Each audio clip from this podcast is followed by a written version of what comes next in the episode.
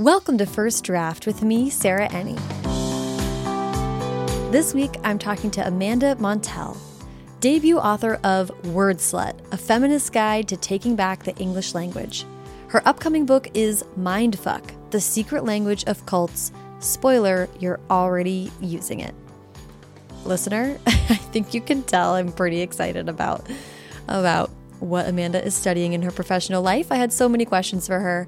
I loved what she had to say about what parts of internet speech are here to stay, inspiring a generation of foul mouthed feminist nerds, and what goes into creating a nonfiction book proposal.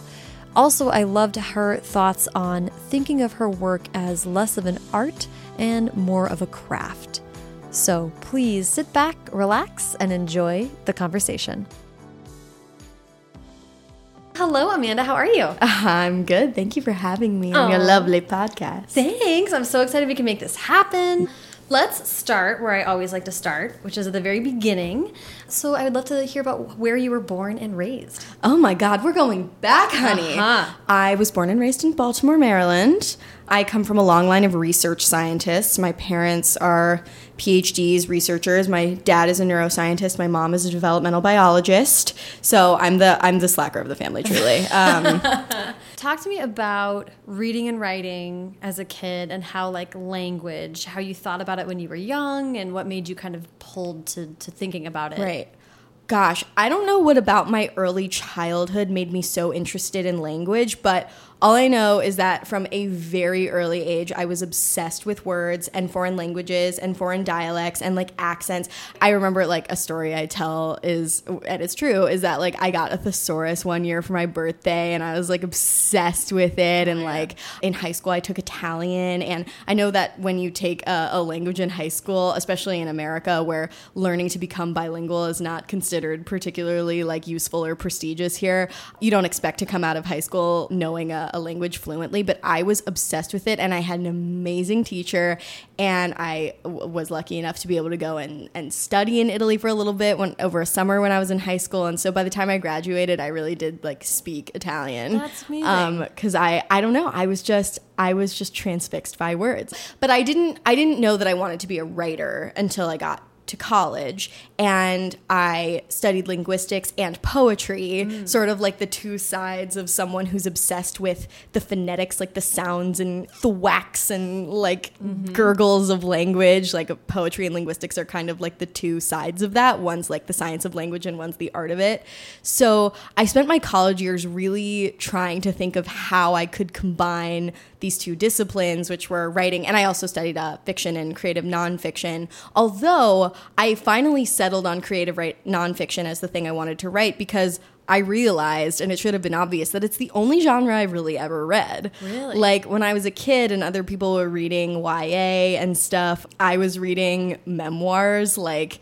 Well, I was obsessed with Sedaris in, in high school, but I was also reading like Angela's Ashes in high school and no, maybe even middle school. And in middle school, I was obsessed with Augusten Burroughs and like Running with Scissors and Dry and, and books like that. And when I was really little, I loved those uh, Chicken Soup for the Soul collections. Dude, I, I read all these books also Yes. before college. Oh my god, like the Chicken Soup for the Teen Soul Yep. book, like I devoured that at the age of like 10 or whatever, like a million times over.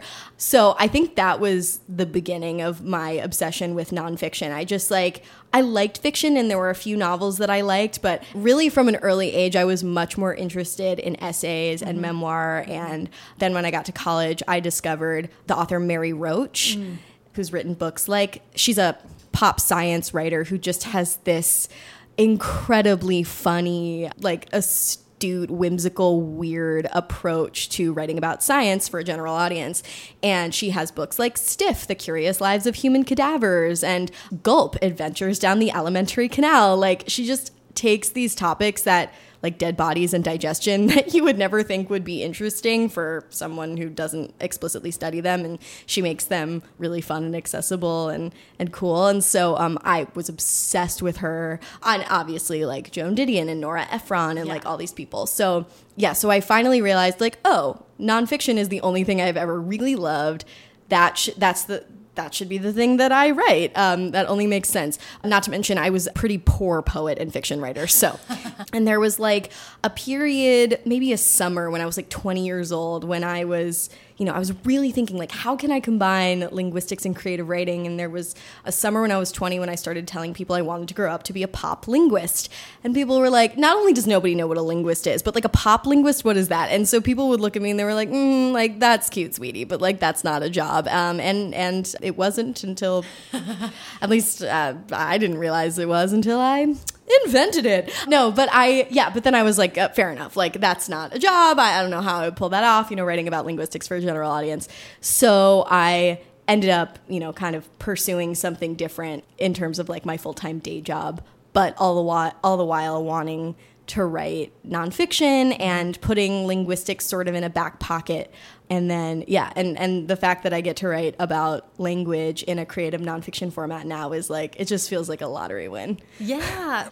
I love that you were always really wanting to bring linguistics into what you were writing. Definitely. Uh, I'm interested in how you, I, I feel like a couple things were happening possibly at the same time the you you were a reporter and an editor um, and a writer. Yeah, and then also you had the the dirty word. Oh right, okay. So yes, so when I graduated from college and moved to LA, I just you know hit the ground running with the hustle. You know, I, I don't like as I mentioned, my parents are scientists. They have no like writerly connections. I would have exploited them if they did. But um, yeah, so I, I I didn't know what to do, and then I had had mentors warn me that I shouldn't move to LA if I wanted to be a creative writer. That I should really stay in New York, and that kind of like lit a fire under my ass. Like I have to make this happen in any way that I can. And so by day, I pursued a career working in digital media as an editor writer at a variety of different like women's digital lifestyle publications. Nothing hard hitting, like beauty, fashion, lifestyle, that sort of thing.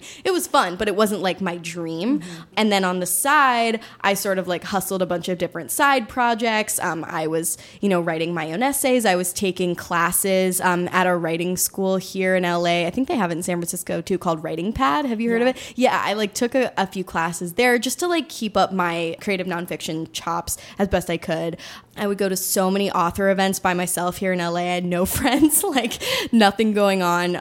Just to try to like, ing- hustling. yeah, you try to ingratiate myself in the community here, which is small but so supportive. Um, I found, and yeah, I was like submitting my work, trying to get it published in places here and there. Like I remember when I was 22, I I like set a goal that I wanted to publish something in the Rumpus, and like I finally published something in the Rumpus, and I was so excited because an author that had a young female author that had come and visited my creative nonfiction class in college had something published in the Rumpus when she was 22 or 23, and I was like, I want to do that. Julie Buntin, do you know who yeah, that is? Yeah, yeah, she wrote Marlena, that uh-huh. novel. Yeah, so she came and talked to us. I think before she got that book deal. Wow. And I just like connected with her. I, she sort of was an example of the type of person that I could be. Right. So I sort of modeled some of these milestones or some of these goals after her, and so that's why mentors are important, right? Totally. And like she, I doubt she like would know who I was. Um, we've like communicated a little bit here and there. Actually, she once was writing a piece about um the history and evolution of the word queen, and reached out to me. This was years and years and years ago, like when I had just graduated from college, and I hooked her up with one of my linguistics contacts. This was before I knew knew that I was going to be writing about linguistics, but I was like, oh, that's great that like someone's writing about etymology for Cosmopolitan, I think mm. it was.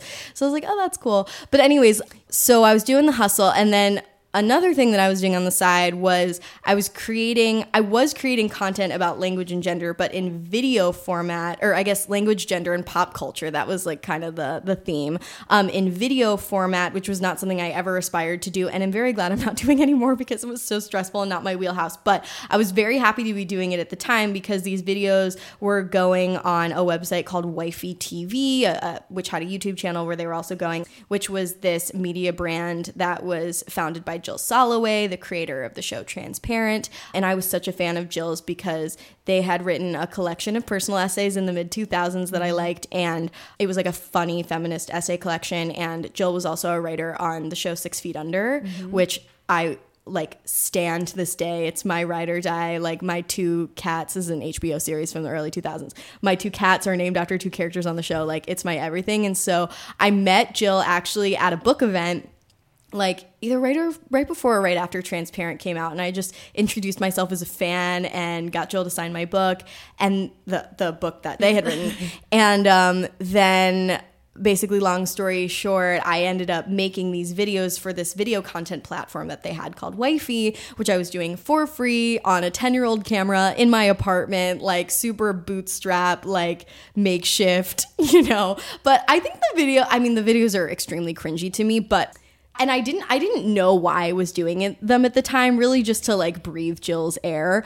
But it, it worked to my benefit because I ended up making these videos, and I also thought like you know, I don't really know why I'm making these, but I'm 23 years old, 24 years old at the time. I thought like these are just a part of my portfolio. Like they they're something that demonstrates a, a voice yeah. of mine. Maybe not my only voice, but like a voice that I can tap into. This one of like your friend, friendly neighborhood linguist who can make like a 5-minute snappy video commenting on like why everybody loved um, Oprah's Oscar speech so much, right. you know, like videos like that, or when um, you know Sweden added uh, the gender neutral third singular pronoun hen to the dictionary. I could do like a cute little video on that and tie like a, a pronoun themed drinking game into it, you know, I, or like do a video on vocal fry or like why why people bristle at the sound of the word vagina. Mm-hmm. Like it was videos like that. They were very like light linguistics content.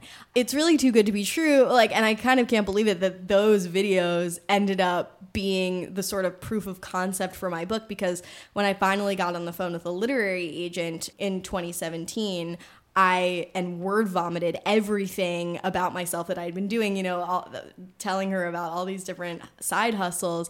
The language and gender and pop culture stuff seemed the most compelling to her, again, to my surprise and delight. Pop linguist. Yes. Was in your head as like, okay, this like thing I'm kind of wanting to work toward or that's out there. Right. I'd love that. Yes. When you are developing this with Jill, Dirty Word, were you conscious of that you were trying like that this was maybe one step down that path yeah. you- so i mostly actually developed it with jill's um, partner that oh. they created wifey with um, an artist and writer named rebecca odes. And we just kind of like brainstormed at the beginning about like the content and the aesthetic of the show. And then after the first few episodes i kind of just did whatever i wanted and uploaded them myself. Again i was doing this for free. Like it was not a big deal. But yeah no wh- while it was happening i was just like truly, I was like, I don't know what this is, but it's fun. And Jill thinks it's cool and tweets it when I post. That's good enough for me. Yeah. I, I was just still. I was still in the stage of kind of just like figuring out what it was that I wanted to say because mm-hmm. I was like 23, 24.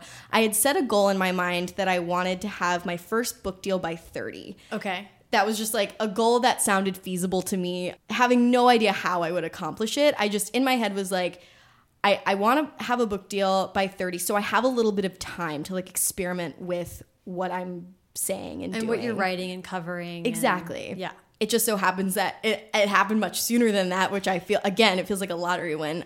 I mean what is luck? But i do feel very lucky that like this thing that i'm so interested in happens to like we're in a moment where it's becoming more interesting to people language and gender and like just because of like my background writing for the internet i'm mm-hmm. i'm able to talk about it in a way that's accessible yeah so it just was like this perfect storm of like this thing that i know about and can also talk about in sort of an internety fun um, right. relatable way is like that that's my book yeah that's yeah. so great i love that it does you were in a unique position to write a book that was very colloquial because you wrote for the internet yeah the thing that's scary about fascinating and kind of like dizzying as a writer of books books are so like permanent feeling and the internet it feels like language on the internet is changing by the day yeah so how have you kept up with that or how do you think about that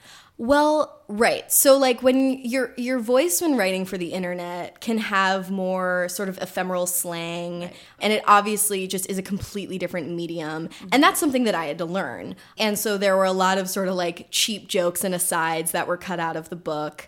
Tell me if you disagree, but I think like And there are some books that are definitely written in a like jokier, more slang heavy voice than mine is. Like when I'm talking about slang in the book, I'm talking about it kind of uh, empirically, and I'm not using a lot of slang in my personal descriptive narrative voice. Yeah, I did. I definitely had to learn how to formalize a little bit um, when writing in this format. But what I will say remained from my like internet comeuppance are the structure of the chapter titles is very clickbaity. Yeah. So chapter zero. I didn't know whether to call it chapter one or the intro, so I just called it chapter zero. I love that. This one's simple. It's meet sociolinguistics, what all the cool feminists are talking about. Like that's a sort of colloquial phrasing that I don't think is going to go out of style. Right. And then chapter one is called Slutty Skank Hose and Nasty Dykes, a comprehensive list of gendered insults I hate but also kind of love, question mark, kind of in that listicle format. Mm-hmm. Chapter two, wait, what does the word woman mean anyway? Plus other questions of sex, gender, and the language behind them. So they're in the format that I would use to write one of the headlines for one of the women's publications that I was writing for for the internet. But I don't think like I also know because of my studies of internet slang that I, I kind of have like an instinctive feeling at this point for what are the sorts of words that are going to to fade into obscurity fairly quickly and what are the sorts of words that are going to stick around and so i wasn't going to put a word like lit in Right. my chapter titles but that sort of formatting like the listically formatting i think has some staying power and i think like it is a fun challenge to be able to to make your voice fun and playful and colloquial Yeah. without relying on so many like jokes and slang Right. and that's totally a skill that i had to acquire but yeah i think like when you're reading the book i don't think it sounds internety like i think it sounds like a friend talking about linguistics to you Yeah. You're taking high academic um, language Totally. and sort of just bringing it way a little bit farther on the scale of Yeah. I mean, it's not like the voice is not silly by any means. Like, I'm.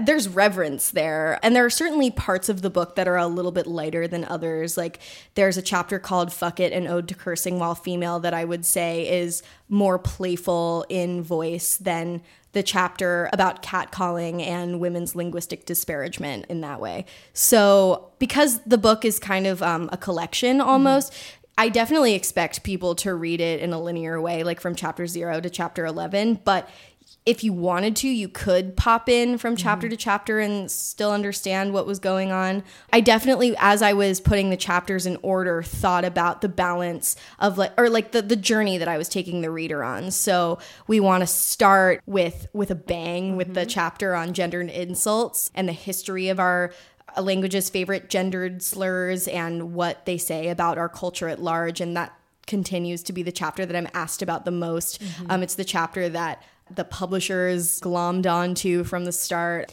So I started there and then I sort of took went on a journey from, you know, going from that to a slightly more gender theory heavy chapter, which is the chapter on what does the word woman mean anyway. And then the next one um, talks about uh, sort of like gossip and women and like how women talk when they're solely in the company of other women and that sort of thing. And then we go like really nerdy and talk about grammatical gender. So I was like really trying to take the the reader on on a journey where like each chapter was well balanced in terms of tone. Oh, I will say the only criticism I ever got in terms of like diction and and tone is um oh I got a positive review in the New York Times but the reviewer and I looked her up and she's in her 70s she did say that I overused the word dude as a synonym for man. When I'm like and dudes do this blah blah blah blah. And that's just was just a choice on my part. I happened to have an affinity for the word dude so sue me Well, you say in there that dude is one of the most beloved words in the it language. right now. really is. It really say it is. all the time. Yes, it can. Sla- Actually, the um, I a big final paper that I wrote in my in my sex, gender, and language college course was on the word dude. Really? That's the fun of linguistics is that you get to write sort of like a serious scholarly article on a word like dude. So, okay, before we get to we you've already by talking about the chapters and, and what's in there, you've already given a lot of a pitch for the book, but I just want to give you a chance to do a formal pitch. What is Word Slut about? Oh, okay. um, so Word Slut is this like quick and dirty crash course in the academic topic of language and gender. So it's like pop sociolinguistics. And every chapter tackles a different topic having to do with that general subject. So there's, as I mentioned, like there's a chapter on the history of gendered slurs in English and what they say about our culture at large. There's a chapter on um, common criticisms made of women's voices, of things like saying like every other word, and vocal fry, and hedging, and asking too many questions. And empirically, what linguists have found are the very useful social purposes of those things. Mm-hmm. Um, there's talk of criticisms of um, the voices of women in power mm-hmm. um, and the use of words like shrill and shrieking and, and things like that. There's a yeah, there's a chapter on on catcalling and other um, linguistic power moves that are made against women. And I try tried my very hardest and it was like a number one priority of mine to make the book as intersectional as possible. So mm-hmm. when I'm talking about women here, that's in quotes. I definitely try to um, try my very best to like represent the the wide spectrum of what that word means. There's an entire chapter on it. And it, ultimately it's not a book about women and language. It's a book about gender and language. And you know obviously i'm not just talking about cisgender white women when i talk about um, the language of women. Sadly there is a pitifully tiny canon of language on of like studies that have been conducted on the language of women of color, mm. largely because sociolinguistics is a relatively new field right. that's only been around since about the 70s. Um, yeah, I was shocked by that. Yeah. So, you know, part of what I'm trying to do with this book is to inspire like a new generation of people from different backgrounds and identities to pursue this field of study. And what's cool is that I had a reader like slide into my DMs a couple weeks ago saying like, "Oh my god, I studied in linguistics linguistics in college college, but I thought that speech pathology was the only thing that I could do with it. But I read your book and now I realize that this is what I want to do. And I want to write about the intersection of language and Latinx women or Latina women. And I literally DM'd this stranger my phone number and I was like, call me right now. I'll tell you everything I know. And we had like a 45 minute conversation. And then I just visit, visited a high school in DC doing like an author visit, and um, one of the the students in that class um, who I did this presentation for told me that she wanted to pursue linguistics and study the language of Black women, and I was just like, this is my goal. Like, I just want to inspire a generation of like foul mouthed feminist nerds yes. who, you know, whenever they're criticized for a way that they speak, or whenever someone uses a slur against them, they're able to fire back with like a logical, provable argument um, and cite like hard facts about you know why that's not cool. Yes, um, I love so, that. Yeah, that's the whole idea. That's amazing. I love that so much.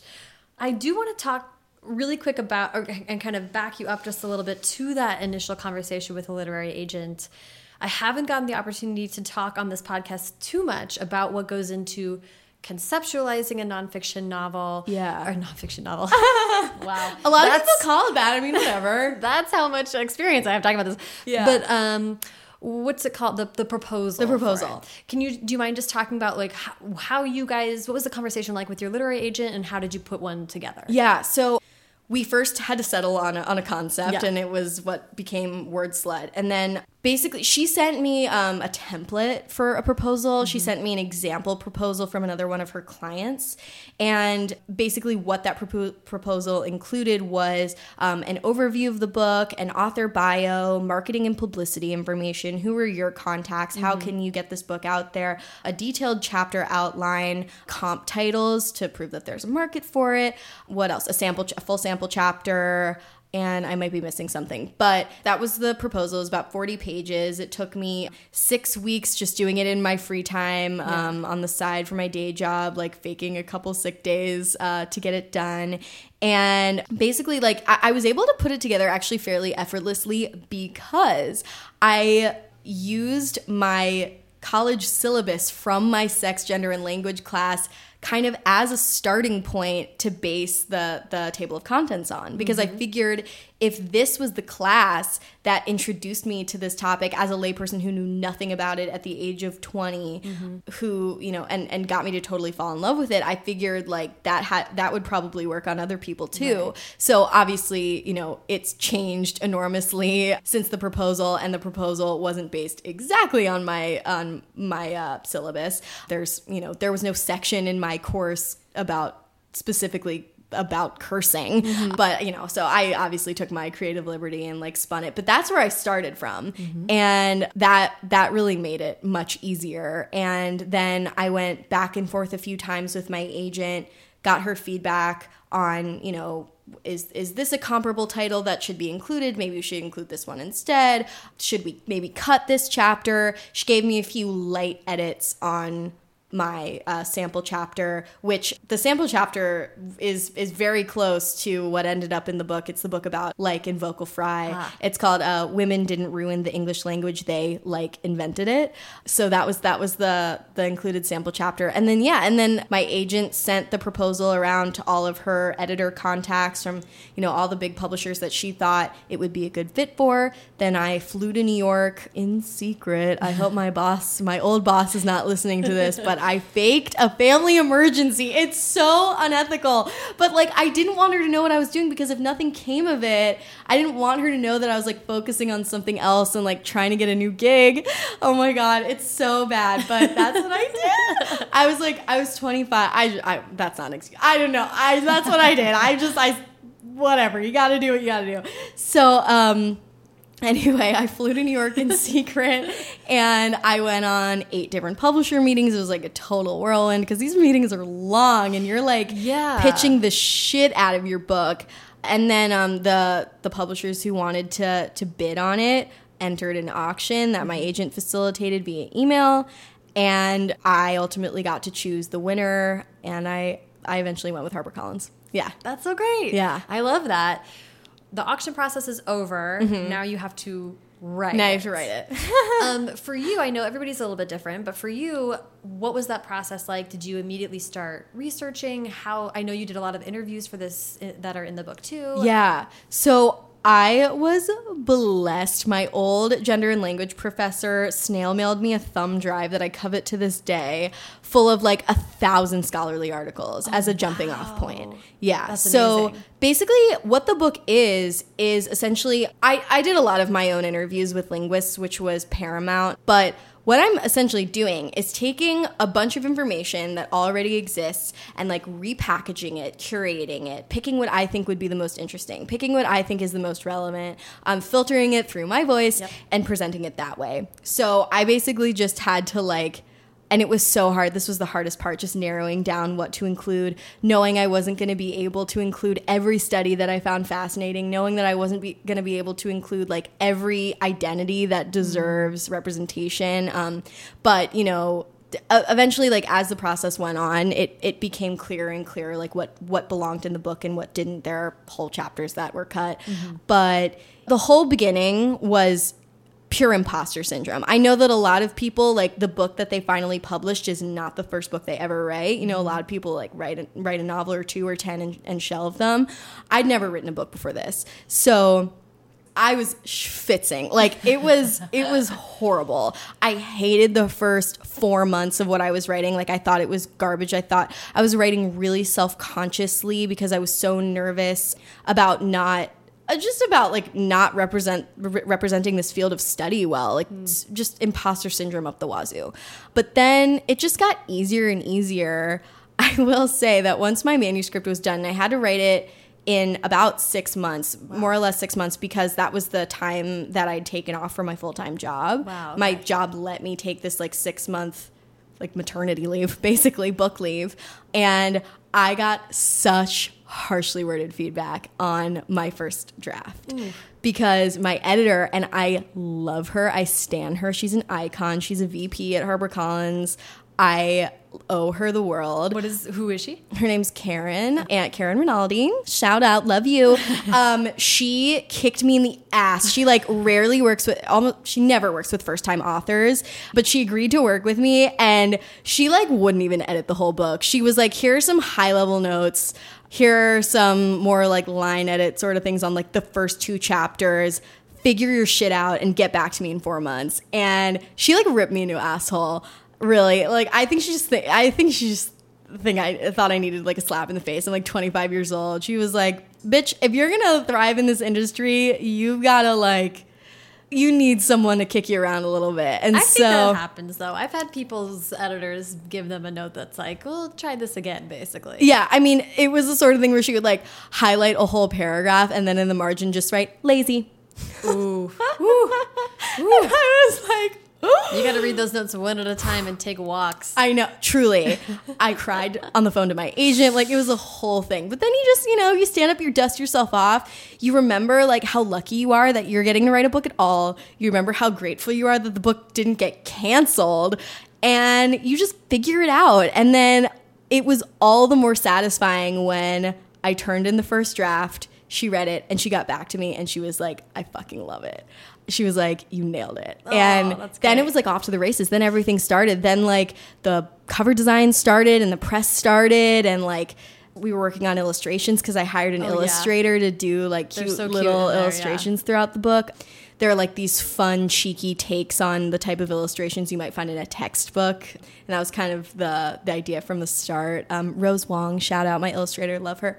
So yeah, but it was it was grueling, and now I'm writing my second book, and in a sense, it's easier mm-hmm. because I know those sort of I know not to make those little rookie mistakes. Mm-hmm. I know not to like leave gaps in logic mm-hmm. Where you're expecting a reader to put two and two together when really you need to connect it for them. I know not to include the cheap jokes because my second book is also um, pop science. It's more like pop sociology, really. Um, it's about the language of cults. Oh, we are gonna get to Yes, that. um, and this is how Sarah and I even met. But um, talking about cults, but yeah. So now I know a lot of those like early lessons. Yeah, um, you, you pick, you are learning and honing your voice. Totally, and and I, I'm just more familiar with the voice that you need um, to write a book because of the formality of the format. The second book is also harder though, because in a sense, because unlike Wordslut, where most of the research already existed, I'm having to do it all myself firsthand. Oh shit! So this feels more like one of those Mary Roach books. Now I'm having to like do way more interviews mm-hmm. and come up with these arguments and this logic all by myself. yeah. Okay. Well, hang on. We're gonna get to that because Yeah. that's fascinating Yeah. to me. The so let's talk about adapting for TV. I'm just so curious. How did that come about? Yeah, my literary agent set set me up with my TV agent, which I still have because I'm not a member of the WGA. Right. And I don't, that's a bunch of Hollywood drama that I don't even understand. But yeah, I never aspired to write for television, which I say with a lot of smugness as an Angeleno. um, but when I was presented with the opportunity to come up with a TV show idea, I was like, sure, I'll take a crack at that. And um, so then obviously like Wordslut is a nonfiction book. It doesn't naturally lend itself well to a narrative story idea. Right. But I did come up with one, um, and it's a story about like a young language genius who's like, like awkward and kind of an asshole, but also like brilliant and sexy and all this stuff. And she ha- she comes from like a very interesting background, and she basically like when you first meet her, she's kind of like bumbling and rudderless and like doesn't know where her life is going. She's kind of the black sheep of her family. She's also adopted and mixed race, and this like genius language girl. So her, her whole life, she's always been asked like, "What are you?" for multiple reasons. And then in the pilot episode, she like scores the career break of a lifetime as um, an undercover reporter. So for the first time in her life, her ambiguous appearance and her language genius are finally useful. And um, speaking of lightly procedural, like throughout the show, she goes on these different assignments um, where she's making good use of her ability to adapt so well linguistically in different communities. And through those different assignments, she ends up like unlocking these different parts of herself that she never knew before. She like is one of these people who knows everything under the sun about this one nerdy topic, in her case language, but nothing of her own mm. sexuality, spirituality, values, like all of those things. She's like 25. And so the show is kind of about like that journey, like watching that, you know, we've all seen shows about geniuses like mm-hmm. House and Psych and The Mentalist and Dexter and Mr. Robot and things like that. But we've never seen a, a female genius and Yeah. we've never seen a language genius so she's she's like a very unique character and at this point i'm i'm very attached to her and have been uh, writing the pilot and i'm on like draft two and i'm working with fx that's who i signed the deal with and i have the most unbelievable showrunner supervisor director um, pamela adlon who has a show on fx called better things which is sensational and um, i'm just like very lucky like it all fell into place I, I- again it was like this sort of thing where the one idea that TV idea that I had happened to resonate. And writing for TV is so much just like the process is feel just feels like a cakewalk compared to writing a nonfiction book. Like first of all, they're only 150 words or something a page, and you just get to make them up. I mean, I guess that's how fiction works. You just get to make it up out of True. thin air. Like when you're writing nonfiction, it's so much research. It all has to make rock solid sense. And there's just like a lot more freedom when you're just writing dialogue, and it's so much fun. I definitely want to keep doing it. I really hope the show gets made. That's amazing. I love that. yeah. What was it like? The the I like I just I can't resist the parallel of pitching these eight publishing houses and then, Yes. like going into these Hollywood studios. It was it was so much more intimidating pitching to publishers mm. because I don't know what it is. Like book people just seem so smart. yeah. Um, Non- the nonfiction world too just feels like a bunch of brains. Everybody's know? so yeah. Um, Hollywood people, like even if they're phony as hell, they just like blow. They just like flatter you, and they like would look at me like I was just like adorable little alien nerd, you know. Like in book world, they're like, "Who are you?" And in Hollywood world, they're like, "Oh, she wrote a book," you know. but book world is just like the world that I aspired to be in. And so there's something more enchanting about it to me. Hollywood is just like the cherry on top. It's just like, what? Why am I sitting here talking to this like literal Oscar nominated movie star about this little book that I wrote? That is absurd. It was just absurd. It was absurd. Ah, I love it. Let's talk about your next book. Okay. I am so I'm so obsessed with this. Yeah. concept. So the next book is called Mindfuck: The Secret Language of Cults. Spoiler: You're already using it. It's a mind, but like the title. It's uh, no, it's a mouthful, not a mind fuck. The the title is very clear. Um. It's uh, again that sort of clickbait structure, the like spoiler thing. But again, I think that sort of thing's gonna stick. it doesn't. Um, it- it's fun and it's yeah. I the agree. idea of a spoiler is decades old. Um, Yeah. I think that has some staying power. But yeah, so basically, um, the sort of elevator pitch is that it's about how cults from Scientology to Soul Cycle use language to quote unquote brainwash us. Um, and through my research, I've learned that brainwash is sort of a controversial and pseudoscientific concept stay tuned. But yeah, it's really cool. I'm just exploring the the wide spectrum of cults um, or groups that could be considered cults or groups that you would never consider a cult, but eerily have a lot in common with uh, groups you would consider cults. Obviously, um, diving deep into what that word even means, Yeah. and then specifically talking about how cult leaders and cult followers use language to create a belief system, create a reality, um, manipulate people, etc. So Yeah. create that us versus them mentality. Um, you know, dissuade independent thinking. Um, and again, these are groups from the most canonic Jonestownian cults to uh, the most seemingly innocuous groups that might not be so innocuous after all. So, Yeah. yeah. So this, first of all, felt like the most Los Angeles second thing you could ever do. But I want to hear what made this the next idea for you. How did, we're kind of swimming in cult stuff out here in LA at least. Yes, we but I think are. That's a, I think that's a Yeah, I mean, I grew up with stories of cults because my dad was forced into one against his will for his high school years. So my yeah what? Yeah when my when my dad for three years while my dad was in high school his dad moved his him and my dad's stepmom and my dad's two little step or half sisters who were like four and six um, or maybe even younger into this cult in the Bay Area called Synanon. You can Google it, S Y N A N O N. Um, and I'm I'm interviewing people who are a member of that cult. It's uh, it's sort of this like secular utopian quote unquote um, really creepy cult that started as um, a rehabilitation facility for people with drug addictions Okay. um, then referred to as junkies in the 70s um, and evolved to include quote unquote lifestylers, people who just wanted to live there because it was the 70s and cults were all the rage. It had these kind of like socialist undertones, the group. And yeah, and my dad lived there and knew off the bat because he was 14 when he got there, like, oh my God, this is a cult. And so, and you know, his threshold for cult rhetoric is very low, as is mine, and which is probably why I don't have any friends. No, I'm just kidding. but I, but I've never, I, I, you know, I really do uh, bristle at at group think. Like it really is why I can't have an office job because terminology like learnings and pivot and blah blah fuckity blah, it just makes my skin crawl.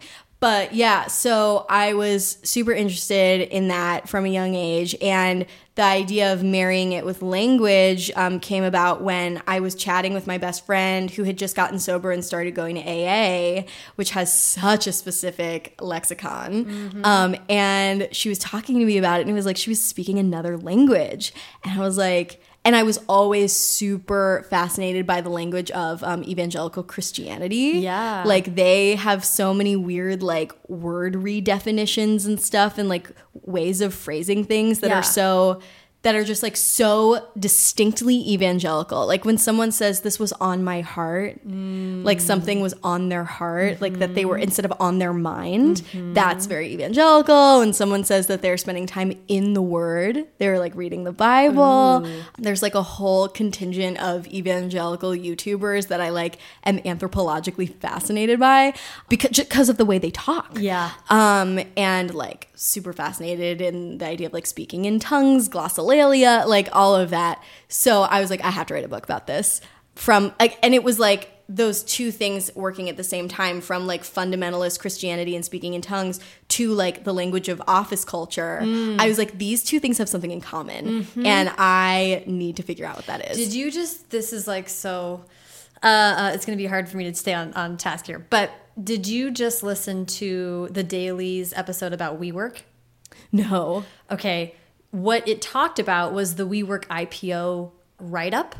Uh-huh. That their their pitch for IPO had the word community in it no fewer than 150 times. Oh wow. And that was honestly first listen to the episode because it's like Yeah. a 30 minute um, refresher on all that bullshit. Oh, I will. But then I think you would probably really want to read a bunch of that. that Yeah, stuff. totally. He I got mean- four billion. He got peop people to invest four billion dollars in him based on nothing but just being a a charismatic guy. Yeah, but oh my god! But here's the thing: is that Lindy West's book? We were just talking about Lindy West. Um, Lindy West's book talk about how, talks about how quote unquote charisma, like so many men who have so much power, they're not charismatic. they're so not. they don't have any charisma. Like what is that? No. Okay, it's like uh, uh, I don't know how how deep you got into Th- Theranos stuff. Oh yeah. And it's like watching her. You first of all hearing all these old white men be like, "There, I don't know. There was just something about Elizabeth Holmes," and I'm like, "Yeah, she had tits. She was like, hot. she's one of the Yes. only young women who you ever come across now that you're this old like lecherous VC, Right.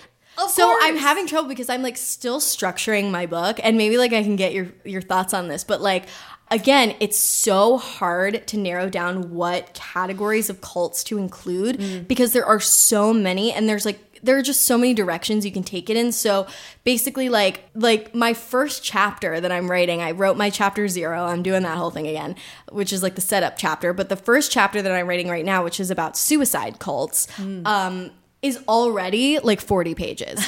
So I'm just like, I don't know what to do. And that's just suicide cults. And then there's like religious cults, utopian communes. Like there there's so much I like don't even know where to begin. It could be like 50 books. But like and I was gonna have a chapter on like academia and university clubs, Hmm. but now I'm thinking like maybe I should swap that out for culty corporations because that seems like more interesting. I don't know. What do you think? Well, here's my question, and this is why I'm like both uh, um, so allured to, is that, if that's a word, to Yeah. nonfiction, and also just completely like, no, I'd be so overwhelmed. It's it's so overwhelming. I could see, I could see the stratification being types of cults. I could also see it being like, what has wellness meant? oh, there is this chapter on wellness. Wellness. Yes, yes. And like, what is it? What's its application been? Oh, in there's all these there's different- um yeah, I mean you could write literally an entire book about any number of these topics. I'm just like going to be galloping through Yeah. it, but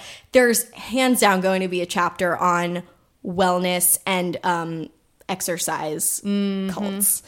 Yeah, because that's been the one that's been the most. Uh, well, there was that pod uh, cast series, uh, Thirty for Thirty, on Bikram yoga. Oh, and yeah. how he was, you know, obviously a cult leader, but just how like that's how it can happen like now in our modern world more than in other ways in the past. Like now, like what is CrossFit if not? Yes. You know. Exactly. Um the like the beginning of my book makes a parallel between these two stories that have like an eerie amount in common. One was a Kundalini yoga cult and one that was like a legitimate cult where everybody wore white and blah blah blah and like was sucked dry of their house and home and everyone they ever knew and then the other was CrossFit. And it's like what do these two things have in common? Almost everything.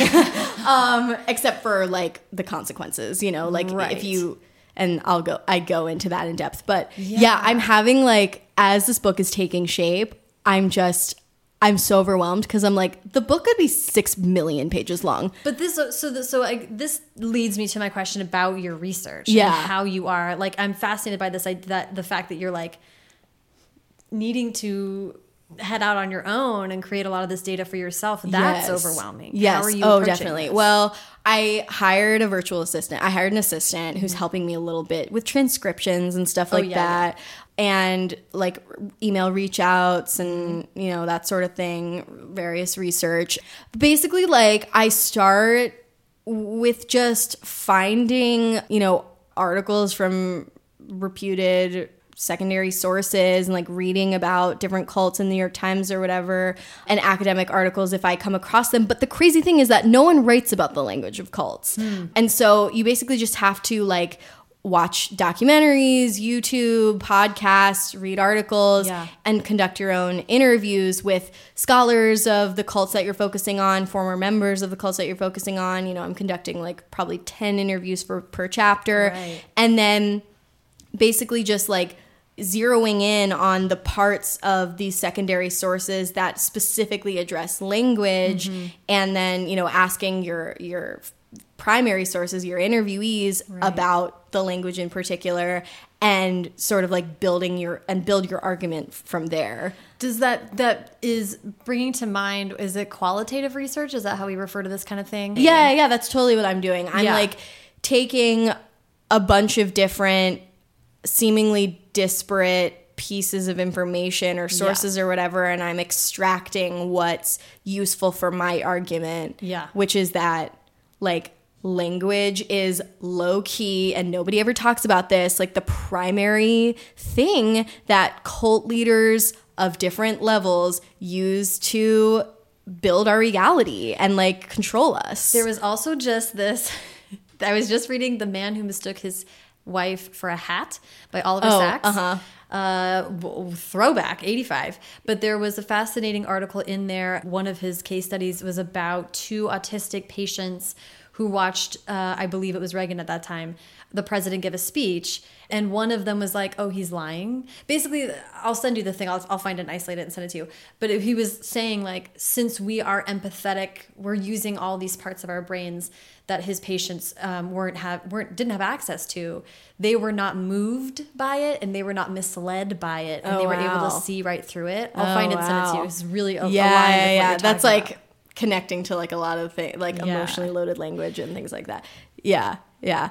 Um, fascinating. Yeah, I'm still. I'm gonna. I have to like make a note in my phone because I think that I'm. I'm just like I'm. I'm so motivated when I'm writing by what I think the audience will be interested in Yeah. because like I am my own audience. Right. And have a lot in common with my audience. And so, like, writing for me and writing for my audience is like very similar, but I can't, I, I don't want to just write according to like the first idea that I had or like Right. what what I and only I think is interesting. Like some people Right. really do write for themselves mm-hmm. and it ends up amazing. But I really want like feedback, almost like I'm making a, a consumer product. Like for for public consumption. Yeah. And if it's not useful to you, then I need to go back to the to the shop and, and figure it out. Like I think of it as less like an art and more like a craft and more Yeah. like I'm I'm like whittling a cabinet. Yeah. And if this feature of the cabinet is not useful to you, then I don't want to include it. And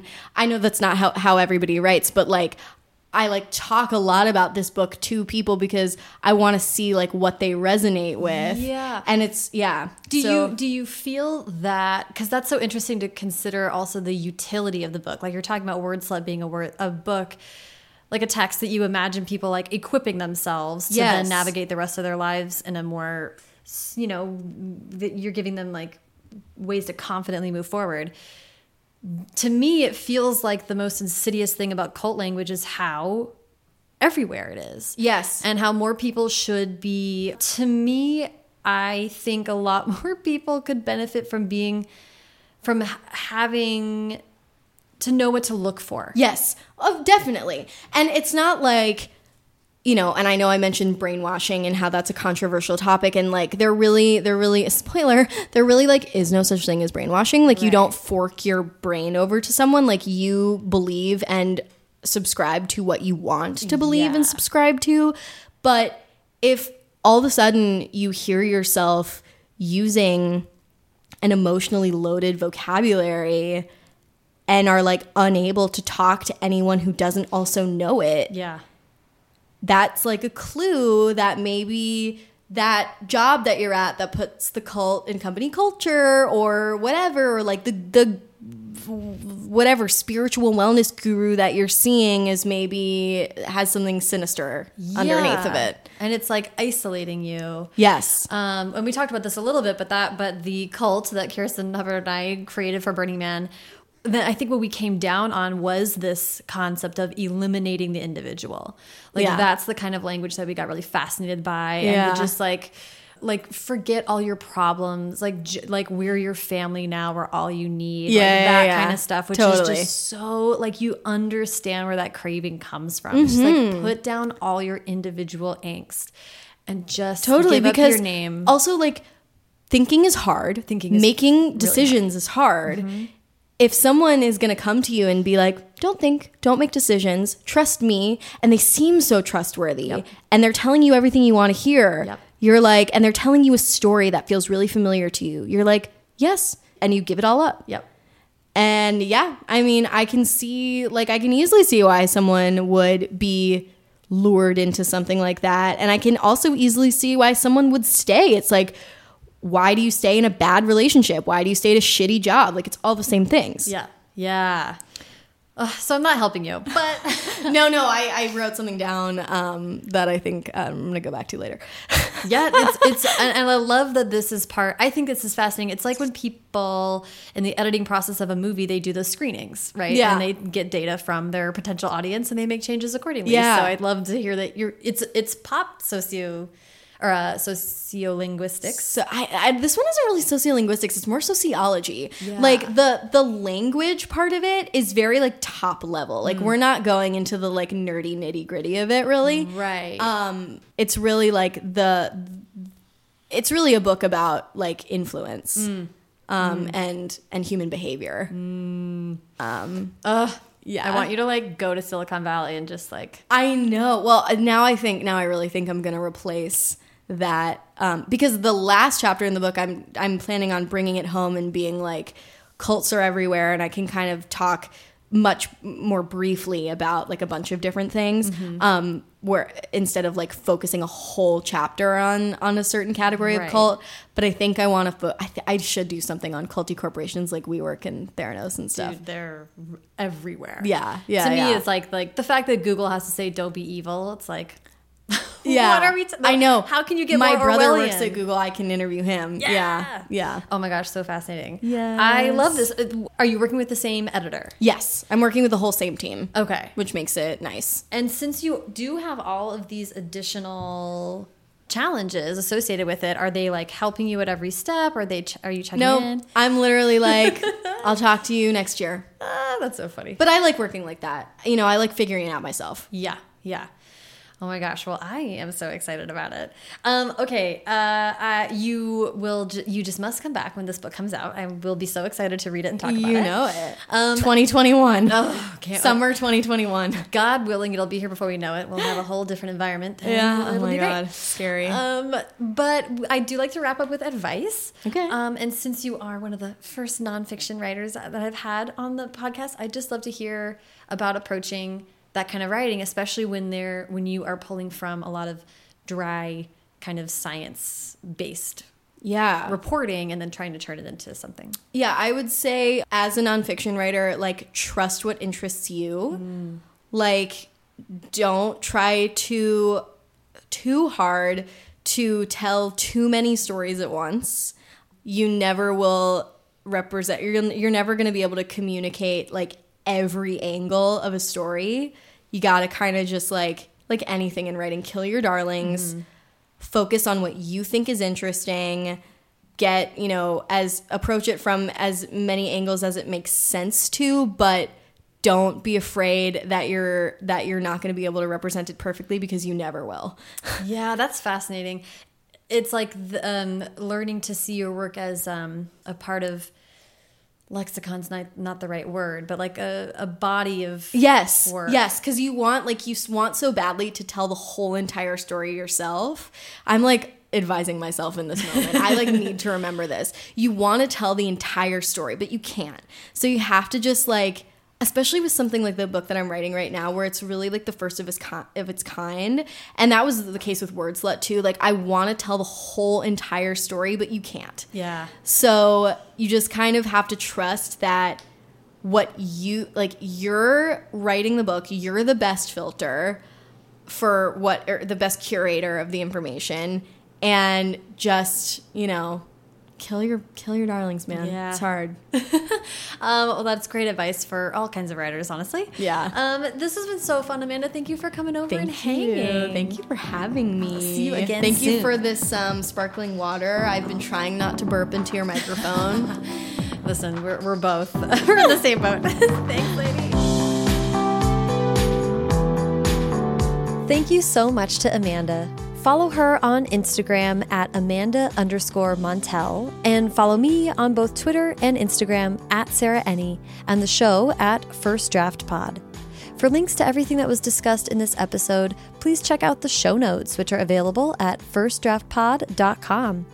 And I know from the recent listener survey that a lot of you like to go buy a book or watch a TV show after you hear it mentioned on the podcast, and I love that.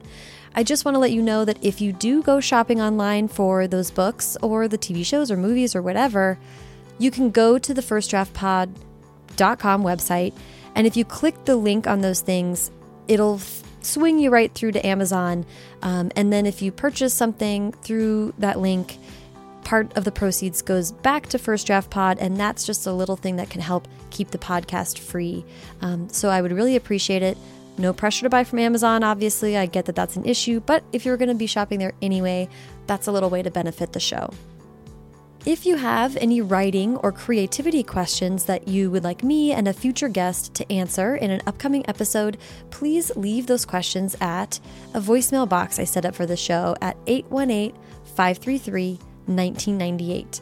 Uh, I hope you caught the recent mailbag episode with me and Zan Romanoff, where we did just that. We answered listener questions. It was so fun, and I really want to keep doing that and keep connecting with you, amazing listeners. So, once again, leave those questions. I want to hear all of them. That number is 818 533 1998. And if you are enjoying the show, please subscribe to the podcast wherever you're listening now and consider leaving a rating or review on iTunes. I'm going to read one that is so beautiful, short, and sweet. This review is left by one Catherine One. One Catherine One says, Wonderful, five stars, such a warm, inspiring, positive, and interesting podcast. Amazing. That is just everything you could possibly hope for a podcast to be. Catherine, it means so much that you took the time to leave that review. Every review on iTunes helps, you know, boost that secret sauce that gets the podcast in front of people that might not find it otherwise. So your time and effort are so appreciated. Haley Hirschman produced this episode. The theme music is by Dan Bailey, and the logo was designed by Colin Keith. Thanks to production assistant Tasneem Daoud and transcriptionist at large Julie Anderson.